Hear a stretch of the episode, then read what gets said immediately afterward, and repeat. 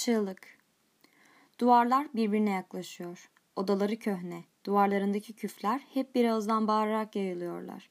Bay rahatsız oluyor bundan. Bağırışlar bir fısıltıya dönüşüyor. Sonrası tiz bir çığlık. Kesilmiyor. Bay kulaklarını kapatıyor ama nafile. Burnundan çıkıyor tüm o pislik ve nem. Tıpkı hemen yok edilmesi gereken bir canavarmışçasına hücuma uğruyor bay. Çırpınıyor. Çünkü elinden başka hiçbir şey gelmiyor. Gülümsüyorum. Perdeyi kapatıyorum. Kaldı ki zaten güneş çok uğramazdı buralara. Bu şehir yıllardır karanlık. Başka bir şeye yoramıyorum ölü zihinlerin varlığını. Uzay yeryüzüne inmiş. Öyle olmalı. Uzun süredir bu odadayım. Ben Otis çığlığım. Bay yalvarıyor. Üzerine çöküveriyorum. Gözlerini görmek istiyorum. Ona biraz daha yaklaşmaya çalışıyorum. Tökezliyorum. Umut kırıntılarının küle çevrilip üzerini kapladığı sehpaya takılmışım meğerse. Kılıcımı üzerine saplıyorum.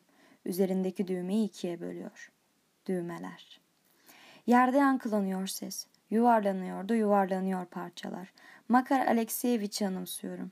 Düşen düğmesinin peşinde küçülerek kovalamasını tüm o varlıkların önünde. Cama bakıyorum. İnsanlığı selamlıyorum. Hepsi düşen düğmeler ve Tanrı'nın eli her zaman sarkan iplere geri iliştirmeyecek onları. Bazısı hep yerinde kalacak. Bay izlerdi düğmeler yerle eksan olurken. Yağlı saçlarına götürürdü ellerini. Kayıtsızlığı okunabilirdi çirkin suratından.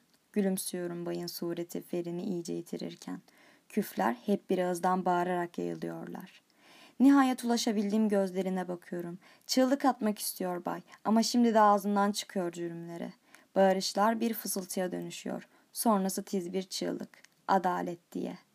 Kelime duvarları dövüyor.